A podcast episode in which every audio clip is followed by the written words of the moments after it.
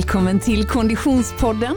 Vi är framme vid avsnitt nummer 14 denna fjärde säsong och jag som pratar heter Frida Zetterström. På andra sidan poddbordet iklädd tomteluva, nej men nästan åtminstone mentalt, Oskar Olsson.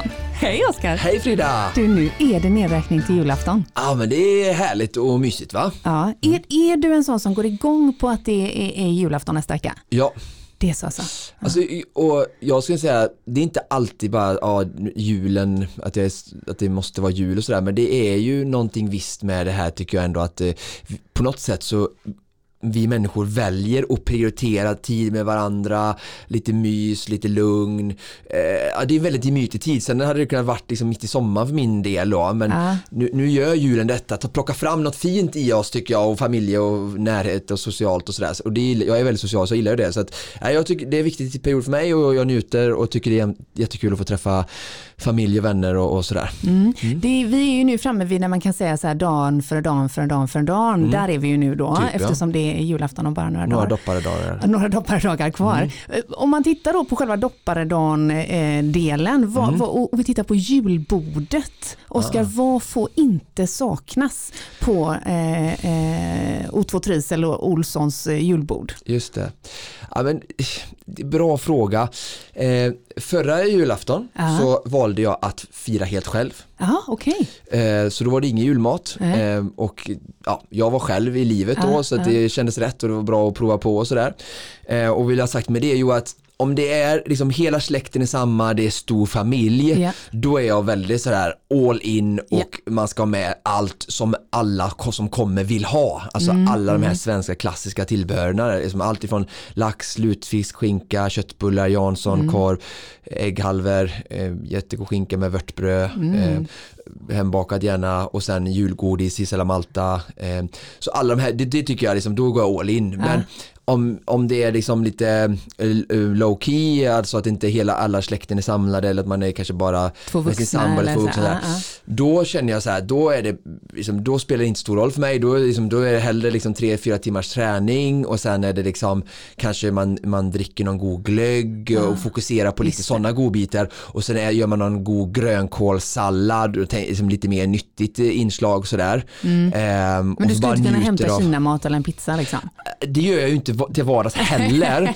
men på, inte ens på julafton, inte för att jag har några sådana restriktioner eller sätta upp några regler men jag känner ju så här att jag, skulle, jag vill ändå gärna ha det juligt så att mm. någon vörtbrödsmacka med skinka och rödbetssallad till frukost, någon, lite gröt och sådär men inget stort julbord, inget måste då utan mm. det är liksom hela setupen som bestämmer det i så fall. Men är det familj och alla fler det där, samma sak med nyår, då, då är det viktigt att det är all in för mig. Mm. Härligt, mycket bra. Julbordet eh, står för dörren likt all annat firande som vi har framför oss. Men först har vi ju ett avsnitt att bjuda på som vi båda verkligen ser fram emot att få lyssna på igen faktiskt. Blown away blev jag. Ja, det här är, eh, eh vi, you're in for a treat du som lyssnar. Eh, vi har ju haft förmånen att träffa en oerhört spännande karaktär.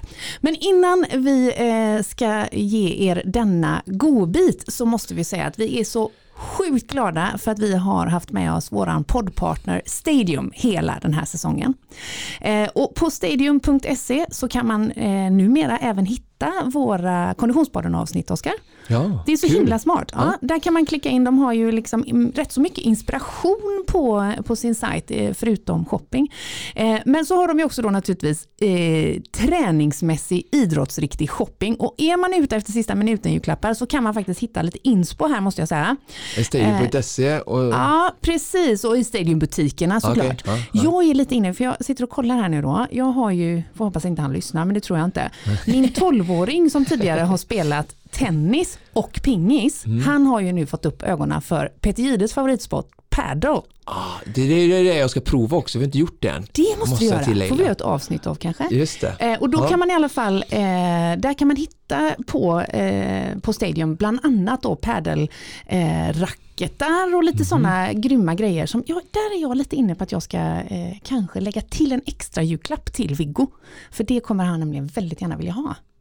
Det är bra. Tänk om jag skulle köpa det så då blir det så här att då, måste vi prova, på att säga. Inte måste, men Ja. vi är inspirerade till Flera att prova. olika snygga racketar har de här. Du ser att jag tittar på att de är snygga också. Jag har liksom inte kunskap nog kring, kring Arbetsskada. Kring. Ja men så är det. Så är det. Och sen ser jag till om jag skulle köpt en, om jag skulle köpt en julklapp till dig på Stadium. Ja, vet du vad det skulle vara då? Nej. Då skulle jag köpt en yogamatta till dig.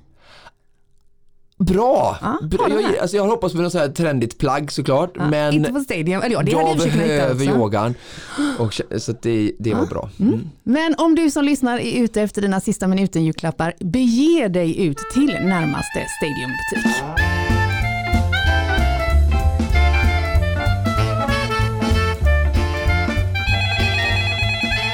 Hallå Frida! Hallå! Du, det här var ju så eh, tokigt att jag eh, ringer till dig i studion. Ja, det är lite upp och nervända världen på många plan känner jag just nu faktiskt. Ja, och det är du som tränar. Ja, exakt. Du hör ju själv. Mm. och som jag tränade. Ja, vad Mm. fantastiskt. Och så intresserad jag är. Ja, Du trodde att jag driver med dig, men jag är faktiskt det. Och jag för ju dagbok, eh, eh, som du vet. ja. Så därför är jag ju grymt på veckans eh, träningsmängd. Eh. Mm.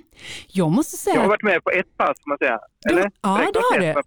Ja, det kommer vi ju till.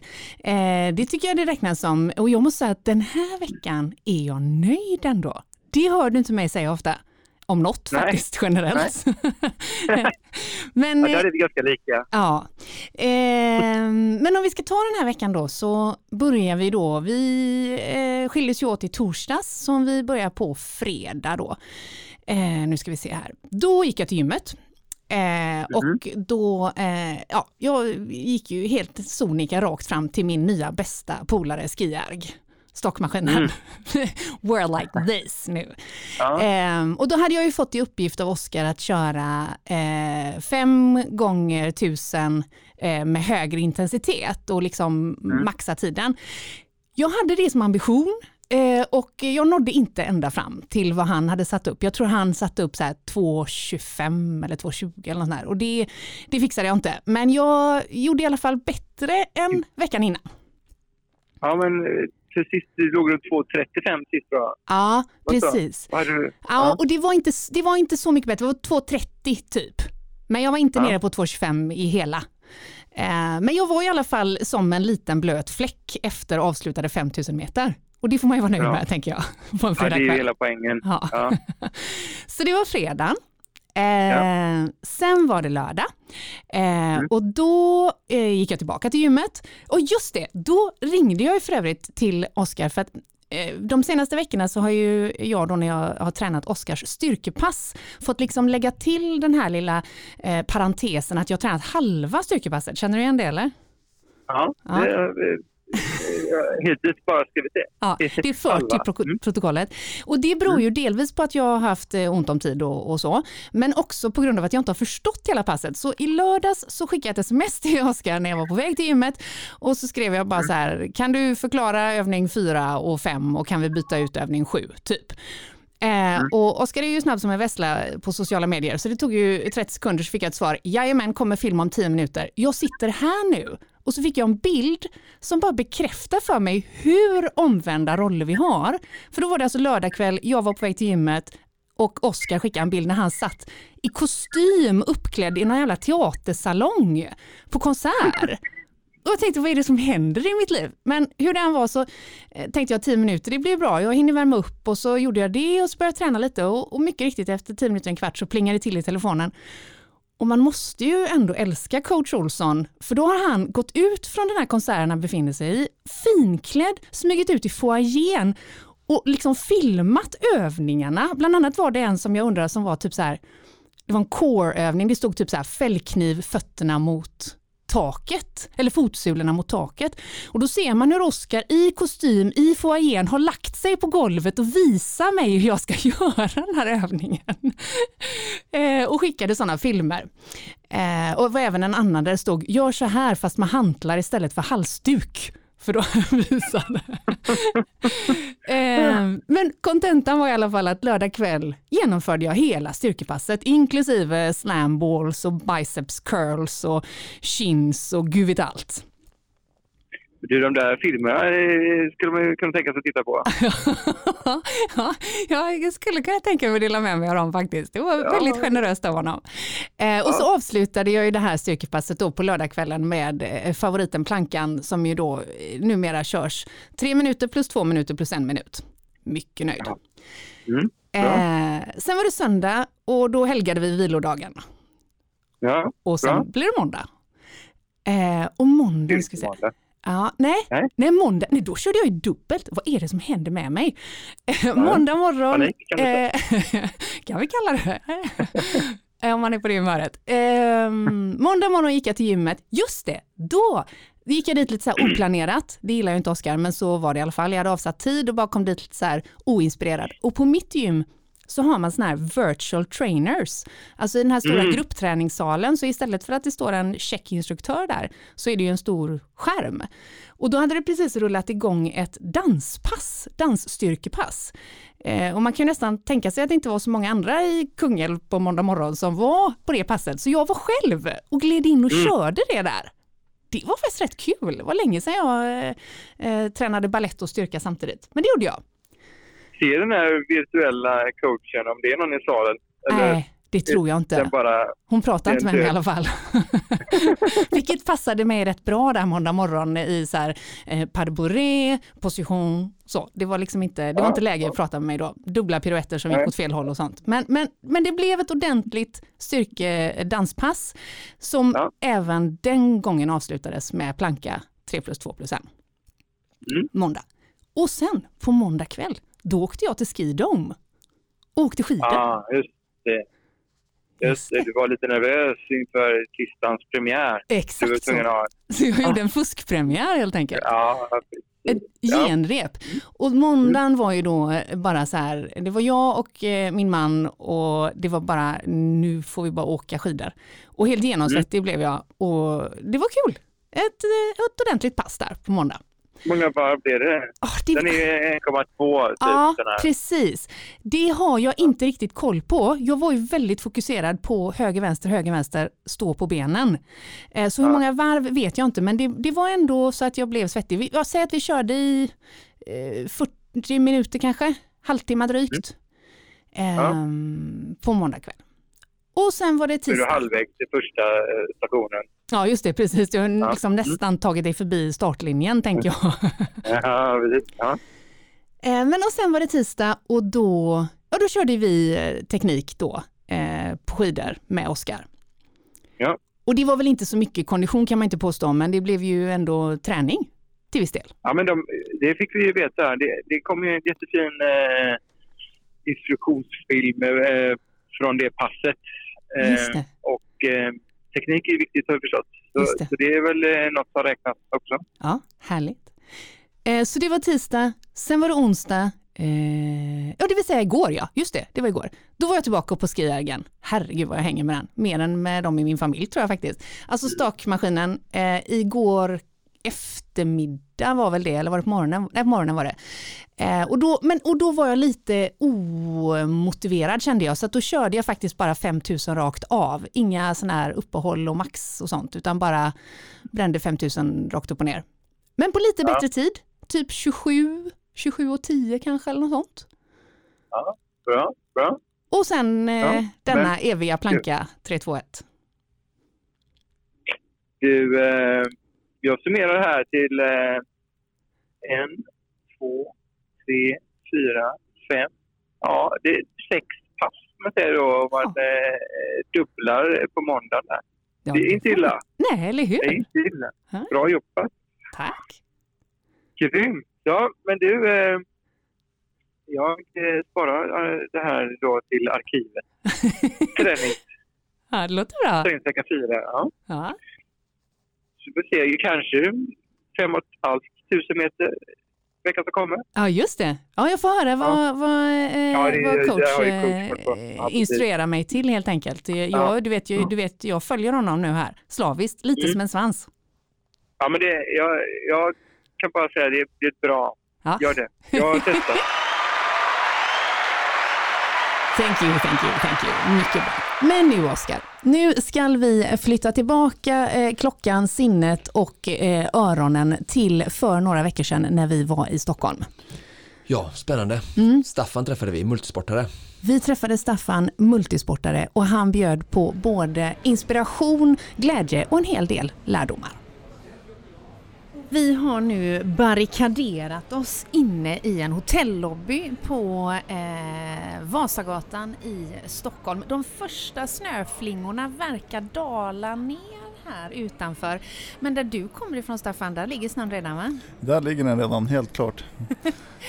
Välkommen till Konditionspodden Staffan Björklund. Tack så mycket. Du, eh, vad är det du har hemma nu för tiden?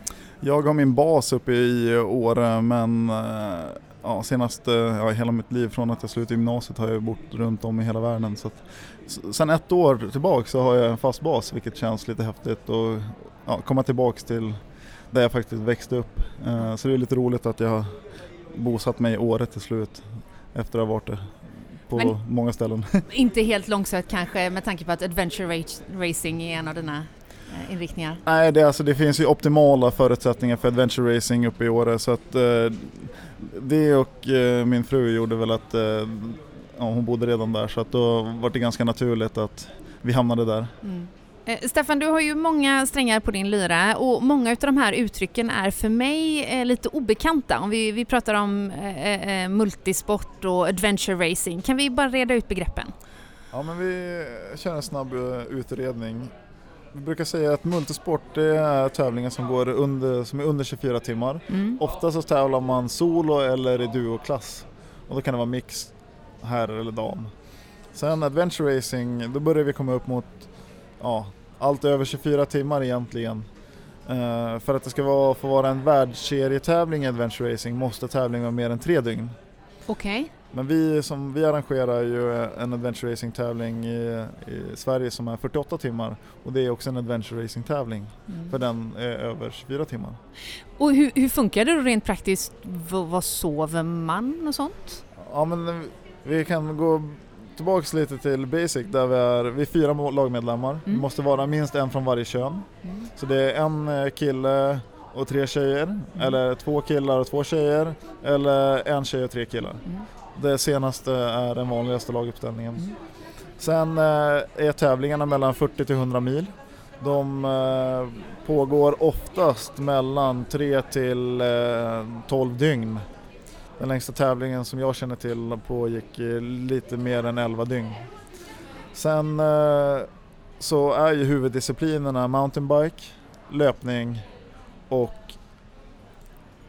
paddling. eh, och sen är det ju hela tiden navigering så man har karta och kompass. Just det.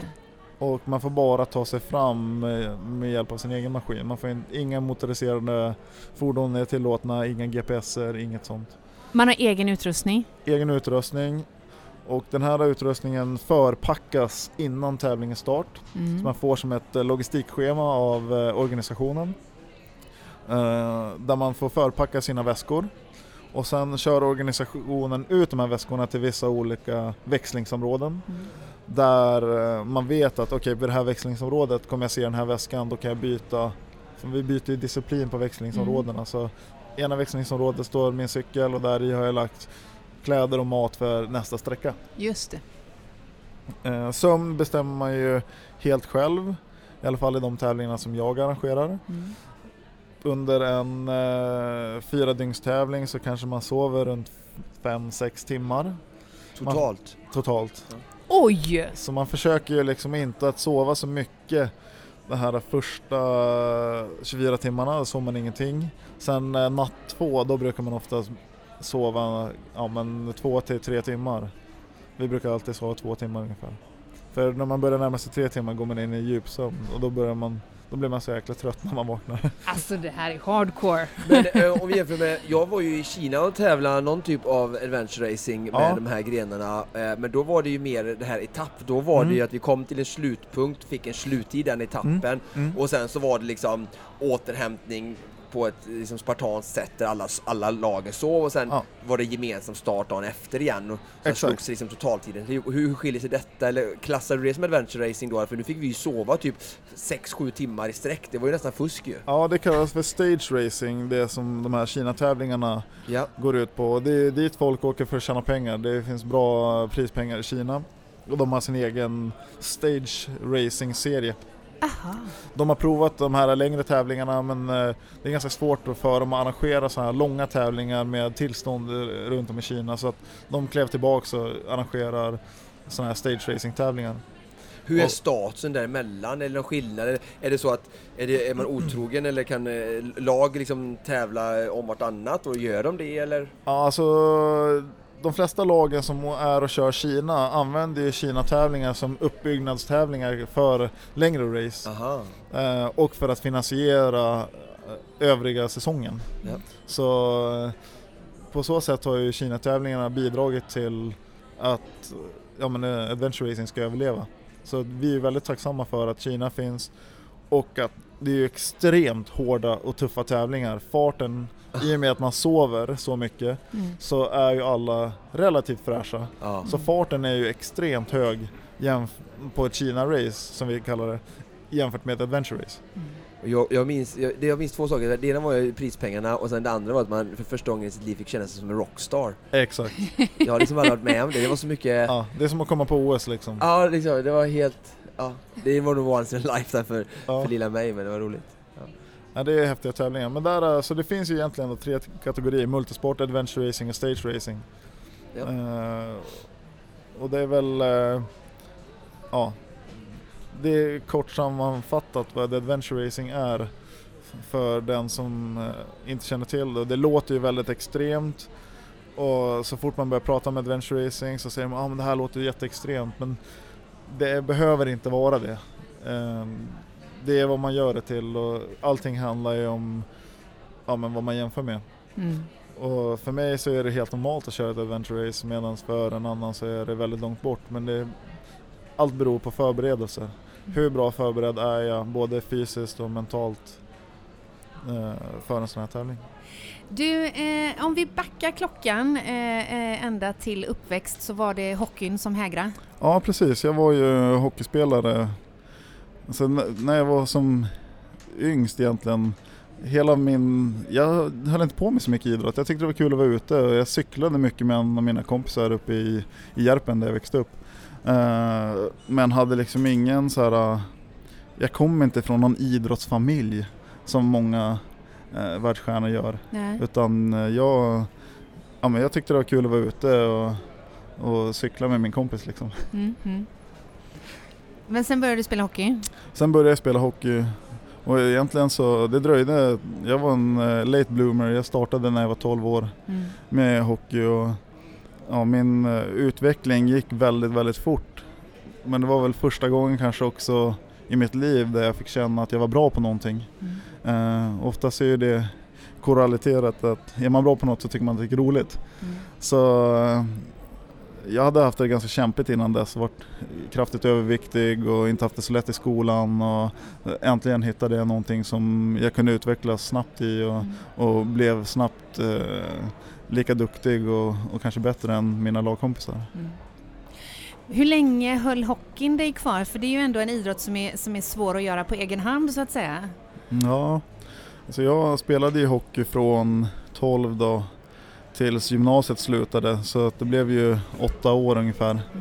Eh, och det gick ju, det fortsatte ju att gå väldigt bra. Jag hade ja, men erbjudanden att spela både på stipendium i Boston och Montreal och eh, Brynäs och ja, sådär. Men eh, jag kände väl att eh, jag hade kanske spelat färdigt lite Mm. eh, efter alla de här åren. Man lägger ju otroligt många timmar när man väl går på ett hockeygymnasium och jag kom dit för att bli bäst i världen. Mm.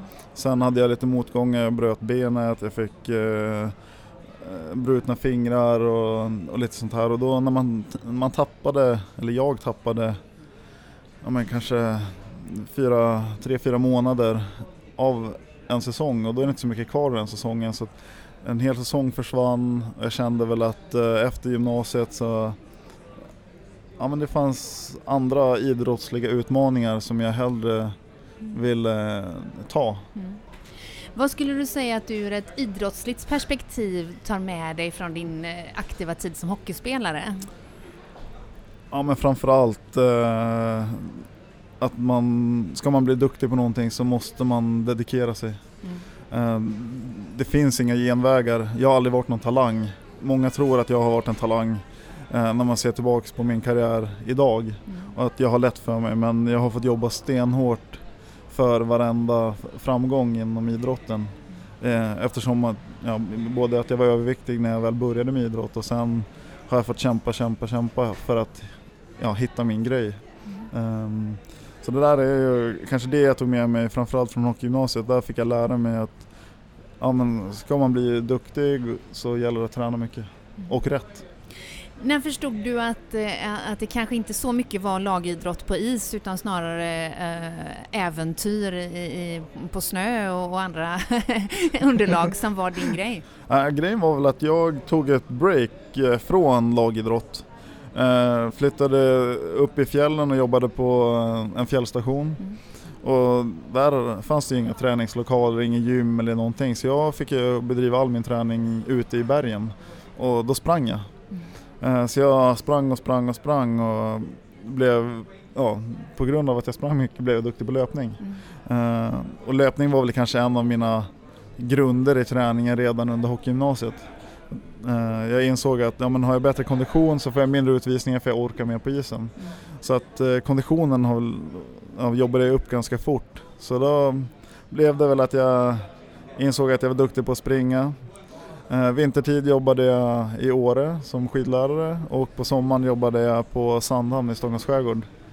Och eh, det var väl, ja vad är det nu, 14 år sedan, Oskar du kanske har koll på det här också, mm. när Ötelö började dra igång liksom hela swimrun-serien ute på Sandhamn.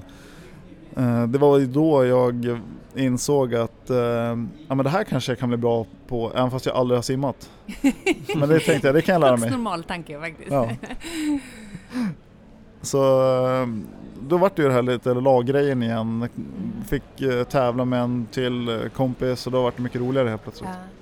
Och visst var du, har du varit med och jobbat med arrangemanget ute på Ötö också? Ja, jag har varit med eh, sedan år ett och hjälpt till. Eh, antingen så har jag kört eh, säkerhetsbåt eller tävlat. Mm. Um, så jag tror att jag har missat två tävlingar ja, totalt. Mm. Och, och vunnit? Och vunnit mm. en gång. Icke att förglömma. Nej. Det har inte jag gjort. Ännu, lägger jag till. Eh, du, Staffan, du jobbar också som skid och klättringsguide mm. runt om i världen. Vi inledde med att mm. säga att Åre är hemmabasen, du mm. är på besök här i, i Stockholm men mm. eh, Arlanda är mer som en hubb. Ja. Eh, berätta om eh, den delen av din vardag. Eh, det där föddes ju också lite i och med uppväxten runt Åre eller Järpen. Alltid gillat att vara ute och sen när jag väl eh, på gymnasiet istället för att eh, göra en praktik så gick jag en skidlärarutbildning mm. uppe i Sälen. Och eh, på alla sportlov och jullov och sådana lov så åkte jag upp till Åre och jobbade som skidlärare för att tjäna lite extra pengar. Och sen eh, tog ju det där mig vidare till slut eh, till USA där jag bodde i tio vintrar, två hela år. Uh, och jobbade som guide. Du är egentligen 65 år gammal. Ja, exakt. exakt. Du har hunnit med väldigt mycket. Ja, jag har hunnit med mycket. Men jag brukar säga det, men vissa spenderar sin tid i skolan, jag valde att spendera den på resande fot. Mm. Uh, och jag har ju alltid följt min, ja, men, vad jag brinner för just nu. Mm. Vilket har blivit, ja, men det blir ganska hoppigt liksom, men det jag har ju märkt att jag har blivit bra på vissa saker och det har jag hållit, fast vid. Tio vintrar i USA är ju ganska konsekvent i och för sig måste jag säga. Ja det är det ju, verkligen. Men det var väl där jag träffade på en guidefirma som eh, Ja, men jag gillade chefen där. Han eh, kollade, gick in på skidskolans eh, listor och kollade vilka som hade mest återkommande gäster. Och då mm. låg jag i topp där. Så då kom han och frågade om jag ville jobba för hans guidefirma.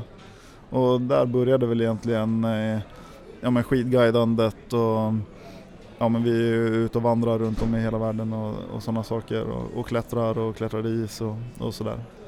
Så då, då bytte ju det här eh, Ja, men från att jag hade varit skidlärare så ville jag helt plötsligt bli bergsguide. Så det var, jag bytte inte utan det var mer en utveckling av skidlärariet. För det var en väldigt bra grund i själva bergsguidesyrket. Mm.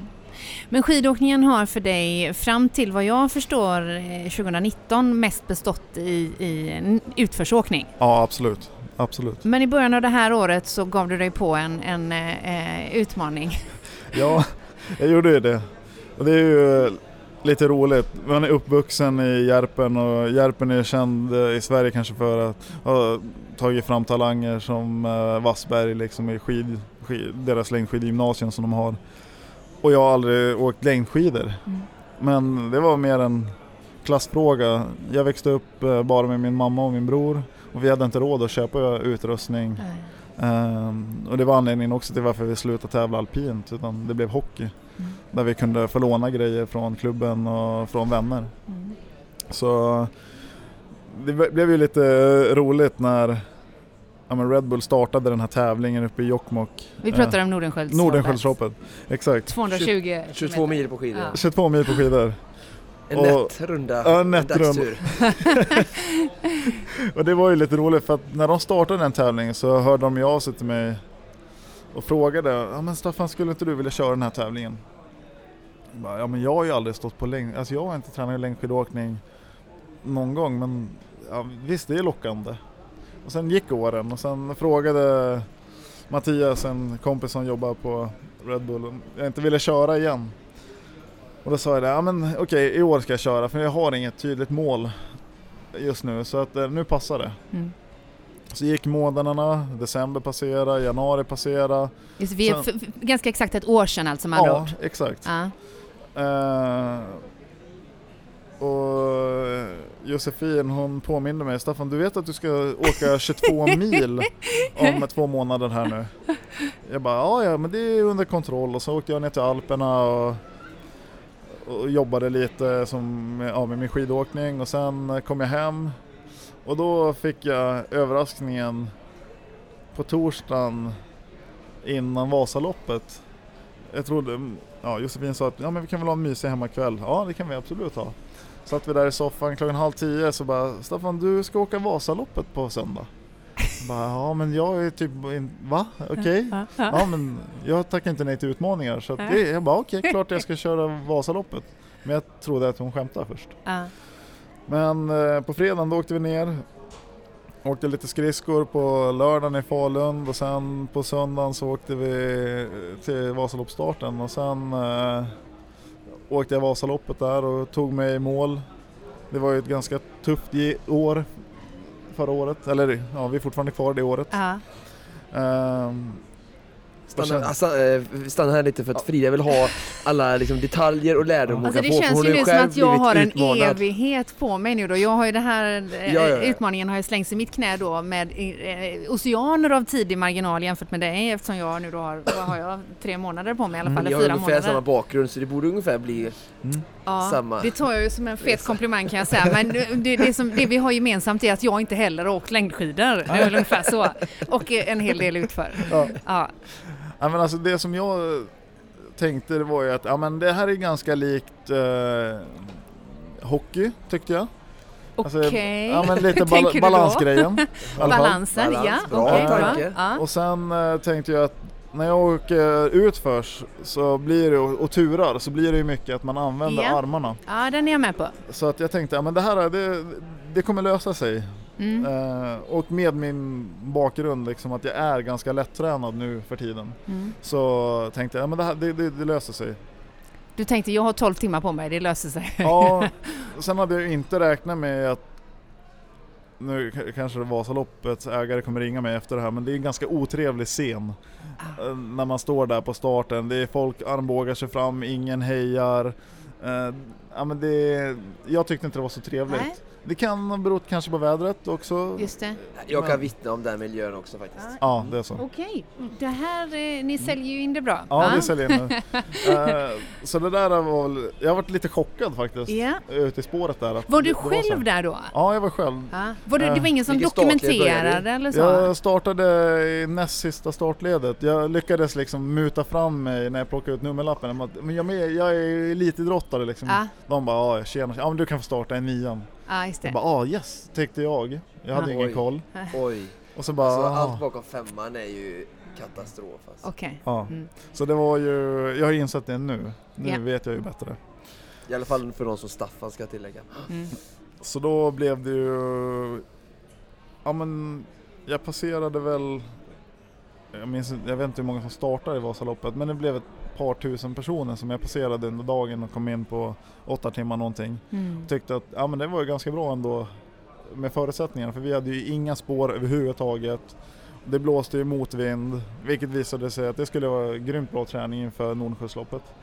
Eh, och sen eh, Ja, det, vi, eh, det roliga kanske var, det var ju att Josefin och min filmare som jag brukar använda, Simon, de släppte mig vid eh, starten. Sen liksom min fart tajmade deras fart i bilköerna ganska perfekt så vi såg varandra väldigt mycket liksom längs med banan.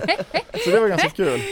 Och sen kom vi i mål och de kom ju precis till mål när jag var i mål. Så Ja. Sen åkte vi till Max, köpte en hamburgare och så körde vi hem. Och så kände du, nej men alltså 22 mil Nordsjöloppet, piss i kaka. Nej, så kände jag faktiskt inte.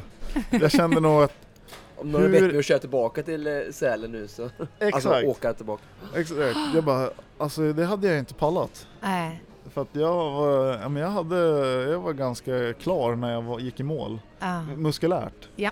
Eh, Mentalt hade jag kunnat åka tillbaks men muskulärt så var jag ganska slut. Jag hade haft ganska rejäla magkramper och sådär under, under Vasaloppet. Så då eh, ringde jag min kollega. Det var faktiskt han som hörde av sig till mig. Du, ska jag fixa ett träningsschema åt dig? Så att du, men då måste du lova att du följer det här träningsschemat. Jag bara, ja okej, ja men gör, gör det då. Och det var faktiskt mitt första träningsschema i någonsin i mitt liv. Eh, vi hade inga träningsscheman under hockeygymnasiet eller någonting sånt. Så det var eh, ganska spännande och jag mådde väldigt bra av att följa ett schema märkte jag helt Mm. plötsligt. Trots bara under tre veckor då, från Vasaloppet till Nordsjö. Ja, det var, jag tror jag hade tre och en halv vecka på mig Ja. liksom att, träna. Ja. Men eh, det var inget snällt träningsschema så det var väl därför han sa att eh, du måste lova att följa det här. ja, just det. Det blev ganska många timmar och mil sista månaden innan Nordensjösloppet. Mm. Och jag hade ju problem med ja, men de här klassiska armbågarna Mm. var väl mitt största problem. Vad skulle, du, vad, vad skulle du ge för tips? Det är svårt att naturligtvis eh, översätta hela det schemat Mm. i, i några minuters podd, Mm. men om man nu som Konditionspodden-lyssnare eh, håller på att förbereda sig för ett långdistanslopp, vad, vad, vad, vad har du för tips att ge? Alltså det som funkade väldigt bra för mig då, det var ju att jag hade många långa pass Mm. som var lugna. Och sen hade jag ju väldigt mycket intervaller. Mm. Så eh, kombinationen, att man hoppar över de här eh, mellanpassen som gemene man kör när de tränar. Man blir inte bättre av det. Så här blev det mycket eh, hårda intervaller på eftermiddagen för jag gillar, min kropp är liksom klar för att köra intervaller på eftermiddagen. Mm. Sen på morgnarna så blev det oftast eh, lite längre, kanske 3-4 timmars pass. Så, eh, och det där funkade väldigt bra. Eh, där fick jag ju hoppa över lite längdpass när armbågen började göra för ont så då bytte jag mot eh, cykel. Eh, Annars var det på snö, Ja, det var skidåkning. bara- det var liksom. på snö. Ja. var det. Men jag kollade min klocka, min träningsklocka efter att jag hade kört Nordensjösloppet. Och nu minns jag inte exakt men jag har för mig att med Vasaloppet och Nordensjösloppet så hade jag fått ihop 66 mil på skidor innan Nordensjösloppet, eller med Nordensjösloppet och Ja. Vasaloppet. Och min träning. Så det är ju inga, och det var, låg på ungefär 50 timmar någonting. Mm. Så det var ju liksom inga supermängder Mm. av träning. men det blev väldigt kvalitativt på slutet där. Mm. Hur var själva Nordenskiöldsloppet? Ja, det är någon, jag vill ju köra igen. Det är så? så? Det här är ju någonting som jag verkligen starkt rekommenderar. Det är ju en otroligt gemytlig tävling. Ja. Ja. Alltså det går inte att jämföra med Vasaloppet. Men, eh, ja, men bara som exempel, det här är ju en, man åker in och sen åker man ut. Man åker till Kvikkjokk från Jokkmokk och sen vänder man i Kvikkjokk och sen åker man tillbaks. Mm. Jag har åkt hela loppet på skoter så jag vet precis sträckan och varje kontroll. Ja. Bara som tillägg. Och Jag där är ju liksom, eh, där, när, när man möter eliten Mm. Vi mötte ju dem ganska tidigt, de var inte så himla långt före oss. Eh, de hejar ju liksom. Bara heja, bra jobbat, kom igen nu! Nu är det bara, nu har ni bara en tuff uppförsbacke kvar, sen är det bara köra på. Alltså, det kommer från världseliten som leder de här Ski Classic-racen. Äh, det är otroligt häftigt. Vad kommer det sig tror du att det är så där just där? Ja, men organisationen framförallt och hjärt, alltså det finns en historia kring loppet. Eh, med de här, eh, ja men Nordenskjöld, eh, ja men han äventyraren Nordenskjöld, eh, hans samer liksom, de kom ju från den här regionen som var hans ja, guider eller vad man ska säga. Eh, och sen att de verkligen Ja, men de, de tar verkligen hand om varje människa som kommer dit. Alla får, ja, men de är så personliga. Mm. Eh, och det kanske är mycket lättare när det är en mindre tävling. Men jag vet inte hur många det var som startade, jag tror det var 800-900 i år. Men de har väl haft kanske 1500 som mest Mm. eh, på den här tävlingen. Så att, och fortfarande behållit det här, vilket är väldigt imponerande. Mm. Kan jag säga som arrangör också då, Mm. av olika tävlingar. Så är det väldigt imponerande att se hur, hur de jobbar. Mm. För mycket av din tid idag eh, går åt till just att vara arrangör av, av diverse olika tävlingar. Eh, Hur hamnar du i det? Det var väl framförallt att jag ville påverka min egen situation som adventure racer, i, inte bara i Sverige utan i världen. Jag har ju haft förmånen att professionellt kunna leva som adventure racer och har fått lön för det. Eh, och jag vill skapa möjligheterna för andra inom adventure racing att också kunna leva på den här idrotten. Mm. Så då kände jag att eh, standarden och nivån på tävlingarna som finns i år, eller i år, som har funnits i världen har varit för låga de senaste 10 åren, 15 åren. Eh, så därför startade jag upp Nordic Islands Adventure Race förra året. Och då, eh, första tävlingen gick mellan Stockholm och Åbo, som är 64 mil lång. Eller den var 64 mil 64 mil. och innehöll Den innehöll, eh, de startade med en repellering här från en fasad på Downtown Camper vid Brunkebergs torg i Stockholm.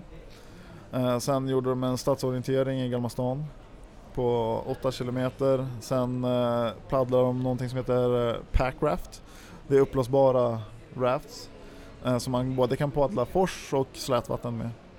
Och den paddlade de ner till Älta via Djurgården och cyklade slussar och Hammarbybacken. Sen därifrån så cyklade de 23 mil upp till Grisslehamn eh, via olika vägar och därifrån paddlade de över Ålands hav och sen körde vi världens längsta swimrun över hela Åland som blev ja, strax över 12 mil blev den banan. Och simma och springa i 12 mil. simma och springa 12 mil. Ja. Det, det var roligt när vi rekade den. Jag trodde kanske inte att det skulle gå så fort som det gjorde, men det gick extremt fort. Jag tror att snabbaste laget gjorde med 14 timmar. Vilket var väldigt snabbt. Eh, sen därefter paddlade de eh, ut i ja, gränslandet mellan eh, Ålands skärgård och finska skärgården, Åbo skärgård. Där bytte de till Packraft igen och hade en mastodontsträcka i Packraft på 8 mil nästan. Och sen cyklade de 9 mil in i mål.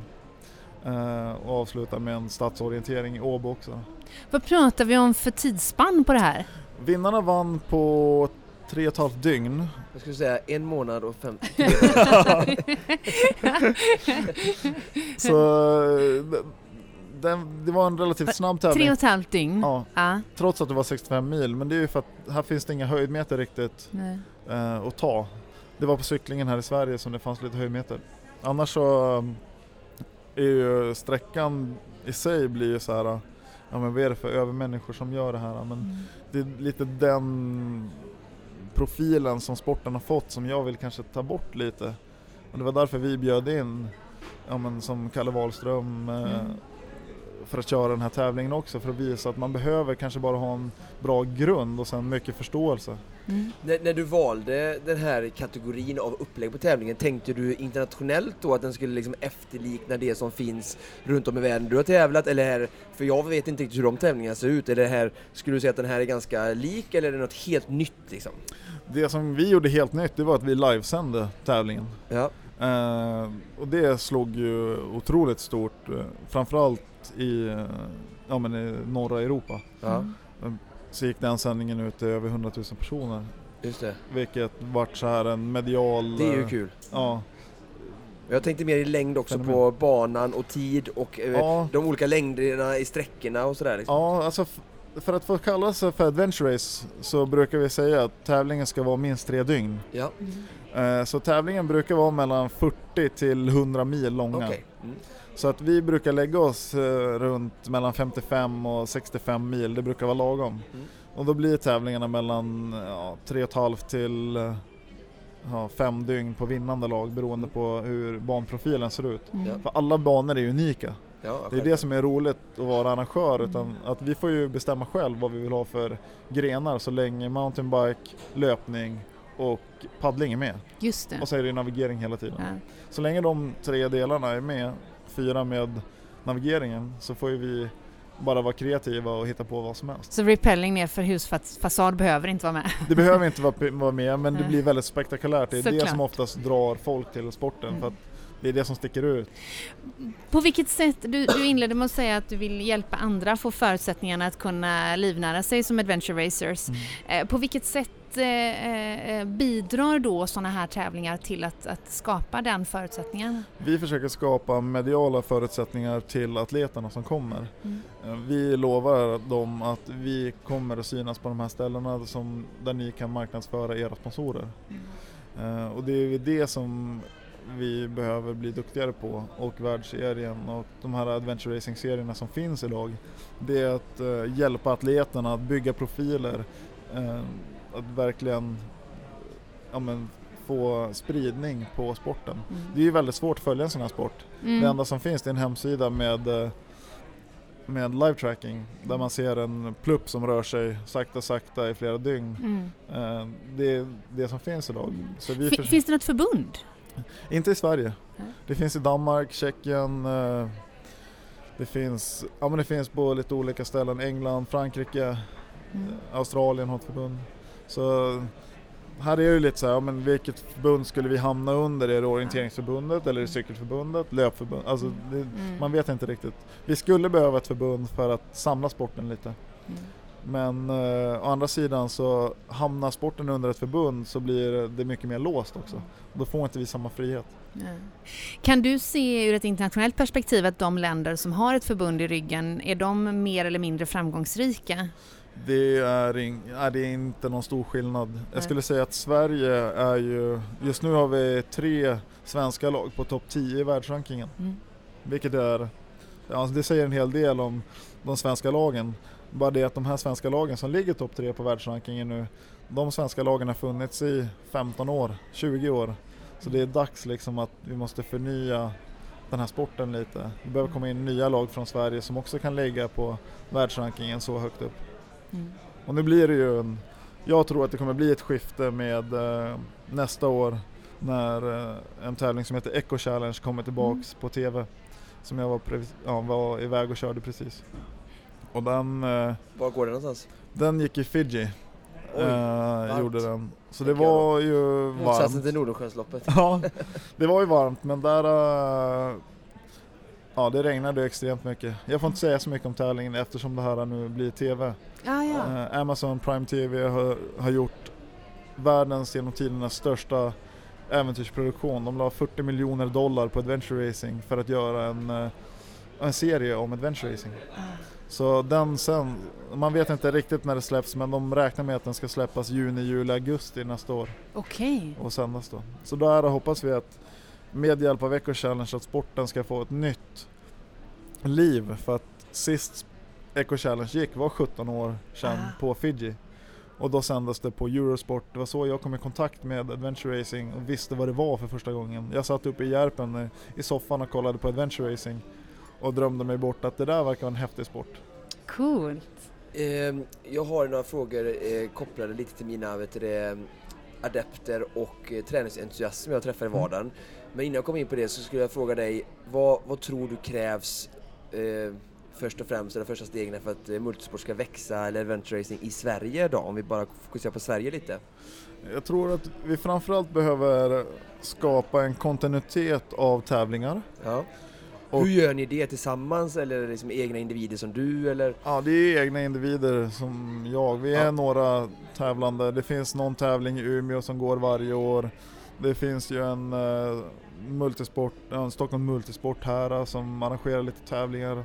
Men det är ju bara... Femmans multisport i Göteborg, den är ju bara en dag, men räknas det eller? Ja men det räknas. Det är bra insteg. Ja. ja. och då brukar man allt under 24 timmar brukar vi kalla för multisport. Ja, ja, ja. Uh, så där är det ju mer, mer sånt, men jag tror att man skulle men uppe i åren nu har jag haft lite så här vänner som har varit uppe och då har vi kört lite orientering, paddling, mm. uh, man har fått göra massa saker. Jag skulle vilja att det här kanske kom in som ja, men på idrotten i skolan. Mm. Att man inte behöver välja en idrott utan här är mm. Adventure Racing erbjuder ju faktiskt flera idrotter i en idrott. Och det skulle nog hjälpa kanske flera ja, men ungdomar att utvecklas. Vad de säger nu? Om du ska bli duktig på en sport så testa flera sporter, mm. håll på med flera sporter. Och det kan ju Adventure Racing bidra till. Till, till och med att vi tävlar tjejer och killar tillsammans. Det mm. kanske är den största ja, fördelen med våran sport tycker jag. Och ja. det som är absolut roligast. Mm. Och vi tävlar under exakt samma regler, förutsättningar. Vilket, det finns bara en annan sport i världen som gör det och det är ridning. Mm. Hur, ser, hur ser tävlingen ut eh, när det gäller, alltså multisport, är det, är det oftast eh, under 24 timmar, det är oftast två personer va? Och sen två, adventure fyra. racing är det fyra eller fem och så en, en dag minst? Ja. Är det så? Tre har jag rätt fattat? Ja. Fyra, man är ju alltid fyra personer som kör på banan. Uh, och sen nu när vi var iväg på Fiji så Eco Challenge startade ett nytt koncept där man fick ha med sig en TAC som det heter, Technical Advisor. Som man såg fem gånger. Uh, annars så har du rätt där att det är två personer vanligtvis i multisport. Ja. Uh, och du tävlar om både mixed och dam och herr lite ja. som uh, i, i swimrun? Swimrun, precis, precis. Och sen finns det ju den här solotävlingen i Åre, Åre Extreme Challenge. Ja. Och det kanske är, jag brukar säga det när folk frågar mig, ja, men hur ska man komma in i ett bra lag? Mm. Ja. ja men åk upp till Åre Extreme Challenge och visa upp dig. Ja. För att det är liksom... Och kör soloklassen? Kör soloklassen, försök placera dig bra. Ja. För det är där du kan visa för alla bra lag, eller de, alla bra adventure races som finns i Sverige, de är där. Ja. Och får de syn på dig där, då är chansen mycket större att du kan få en plats i ett lag. Jag fick min plats i ett lag genom swimrun. Mm. Eh, och att jag vann mycket swimrun-tävlingar i början av den eran. Liksom. Men de som är på, sådär, många av våra lyssnare på motionärsnivå, kunder mm. till mig och sådär, vad, vad rekommenderar du? Att, liksom, jag vet att det är många som frågar om de vill köra och de försöker connecta med varandra, alltså andra träningskompisar och sådär. Finns det något speciellt, några tips du skulle kunna ge till hur de ska gå vidare för att komma in i mer multisport då? Ja men det är ju framförallt jag skickade ju faktiskt en av mina killar ju in i ett lag eh, som du ja. hjälpte med mig in i din tävling. Det var Exakt. Ja. Och där, jag skulle vilja mer att, ja men Åre Extreme Challenge är fantastiskt. Ja. För där kan du knyta kontakter. Ja. Eh, sen är det ju hitta kompisar. För att ofta så, när man tävlar så här eh, långa tävlingar så behöver man vara superpolare liksom med varandra. Eller ha väldigt stor respekt för varandra. Och oftast så tränar man, har man ett gäng träningskompisar så har man de bästa förutsättningarna i den gruppen. Och sen ja, sätter man en gemensam målsättning eh, eller utmaning att ja, men ska vi inte köra Nordic Islands Adventure Race? Och jag tror att det är när man väl har bestämt sig, hittat de här fyra personerna, eh, då är chansen mycket större för då kan man igen då pusha varandra att ja, men nu gör vi det här. Det, man måste våga. Det handlar mycket om att våga. Mm. Och sen har ju vi en akademi som vi drev förra året. Eh, som heter Nordic Islands Academy och där uh, utbildade ju vi adventure racers hur man ska tänka med hjälp av mina erfarenheter och jag undanhåller inga, inga hemligheter när vi gör de här uh, akademierna utan jag bjuder på allt. Mm. Tips och tricks till träning till uh, ja. ja. hur man ska tänka kring navigering, laguppbyggnad, allt. Jag vet att du har, vi pratade lite om deltagare, jag fick en, eh, eller sådär, lagkamrater, jag fick en fråga här till dig mm. eh, från Miranda. Ja. Eh, så fråga, fråga Staffan om han tycker att lagmedlemmar är överskattat i adventure racing och hälsa från mig. jag vet inte om, vi, om det ska vara ledare på något sätt. Men det verkar ju vara väldigt viktigt men jag vet inte om hon har en annan åsikt. ja men eh, det här kommer lite från att eh, det här eh, var ett eh, tjejlag som körde våran tävling i somras som gick från Åre till Ålesund som var 70 mil lång. Och eh, som avtackning eh, för all hjälp till sponsorer och nära och kära så höll de en mini adventure racing tävling i Åre för några helger sedan. Och då hade alla ett varsitt lag utom jag. Jag fick göra allting själv. Jag kunde inte ens genomföra vissa discipliner för att där behövde man vara fler. Ja, ja, ja, så jag fick hoppa över lite kontroller för att jag inte ens kunde genomföra dem. Jag förstår. Uh, så, så du menar på att det var bättre att du kört själv då? Exakt. Så men oftast när, jag är ju navigatör och navigatör som navigatör, min stil att navigera är att jag ligger 50 till 100 meter före mina andra lagmedlemmar. Mm. Så är det så att de då tar lite mer utrustning och bär kanske lite mer så får du fokusera på... Precis, precis. Eller, alla har ju vissa olika roller mm. och de här rollerna de byts ju hela tiden under tävlingen. För att går man in i en tävling och tror att man ska vara Hulken hela racet så har man fel. Mm. Man kommer ha svackor och då gäller det att ha väldigt högt i tak, vara superärlig att men nu är jag trött, jag behöver hjälp, kan någon ta min uh, utrustning, min ryggsäck eller ja, men vad det nu må vara. Um, så då är det ju, där är ju lagmedlemmarna helt ovärderliga. Mm. Och sen är det ju så att det är en säkerhetsaspekt. Du sätter ditt liv i dina lagkompisars händer för att mm. vissa situationer med extrem sömnbrist kan bli farliga under de här tävlingarna. Organisationen, vi, nu pratar jag liksom både som racer och som organisation, men vi gör ju allt för att det ska vara så säkert som möjligt mm. som organisatör, men det kan uppstå situationer ändå. Så enkelt som att man kan eh, cykla på en grusväg och, mm. och trilla och bryta armen så måste lagkompisarna ta hand om det innan en organisatör kan komma fram och hjälpa ja, till. Exakt.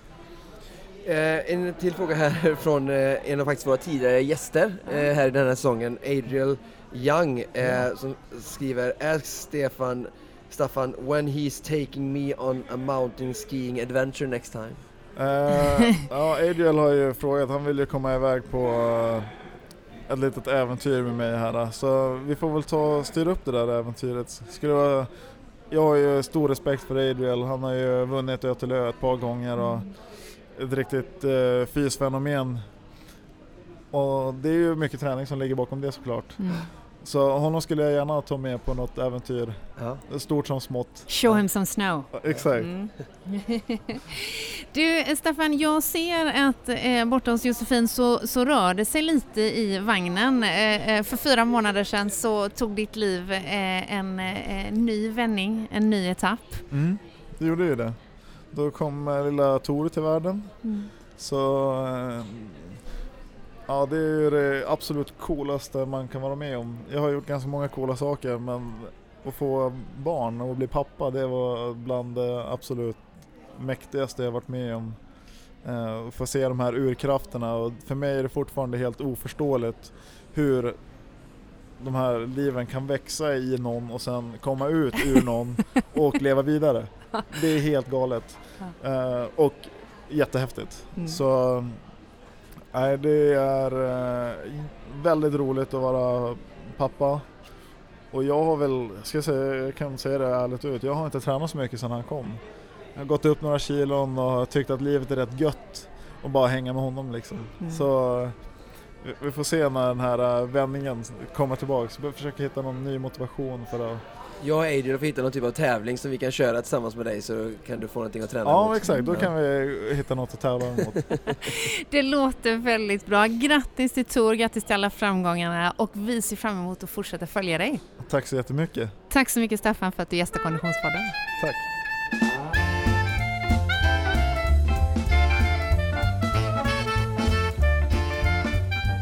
Ja, vilken inspirerande eh, människa. Ja, verkligen. Så, eh, så många lärdomar och livsresa, både eh, familjemässigt men framförallt idrottsmässigt och ja, som man, jag bara själv kan gå till mig själv och ta med mig från och, och lära mig av. Verkligen så otroligt generös med både liksom, eh, val han gjort i livet och, och eh, vad det har gett för effekter. Ja, tack Staffan. Mm, verkligen, det känns också som att min Vasaloppsutmaning känns lite mer överkomlig efter att ha lyssnat på, på, på, Staffan.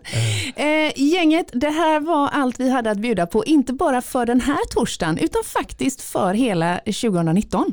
Ja, det är 2020 snart. Nu tar vi ett litet eh, juluppehåll och är tillbaka.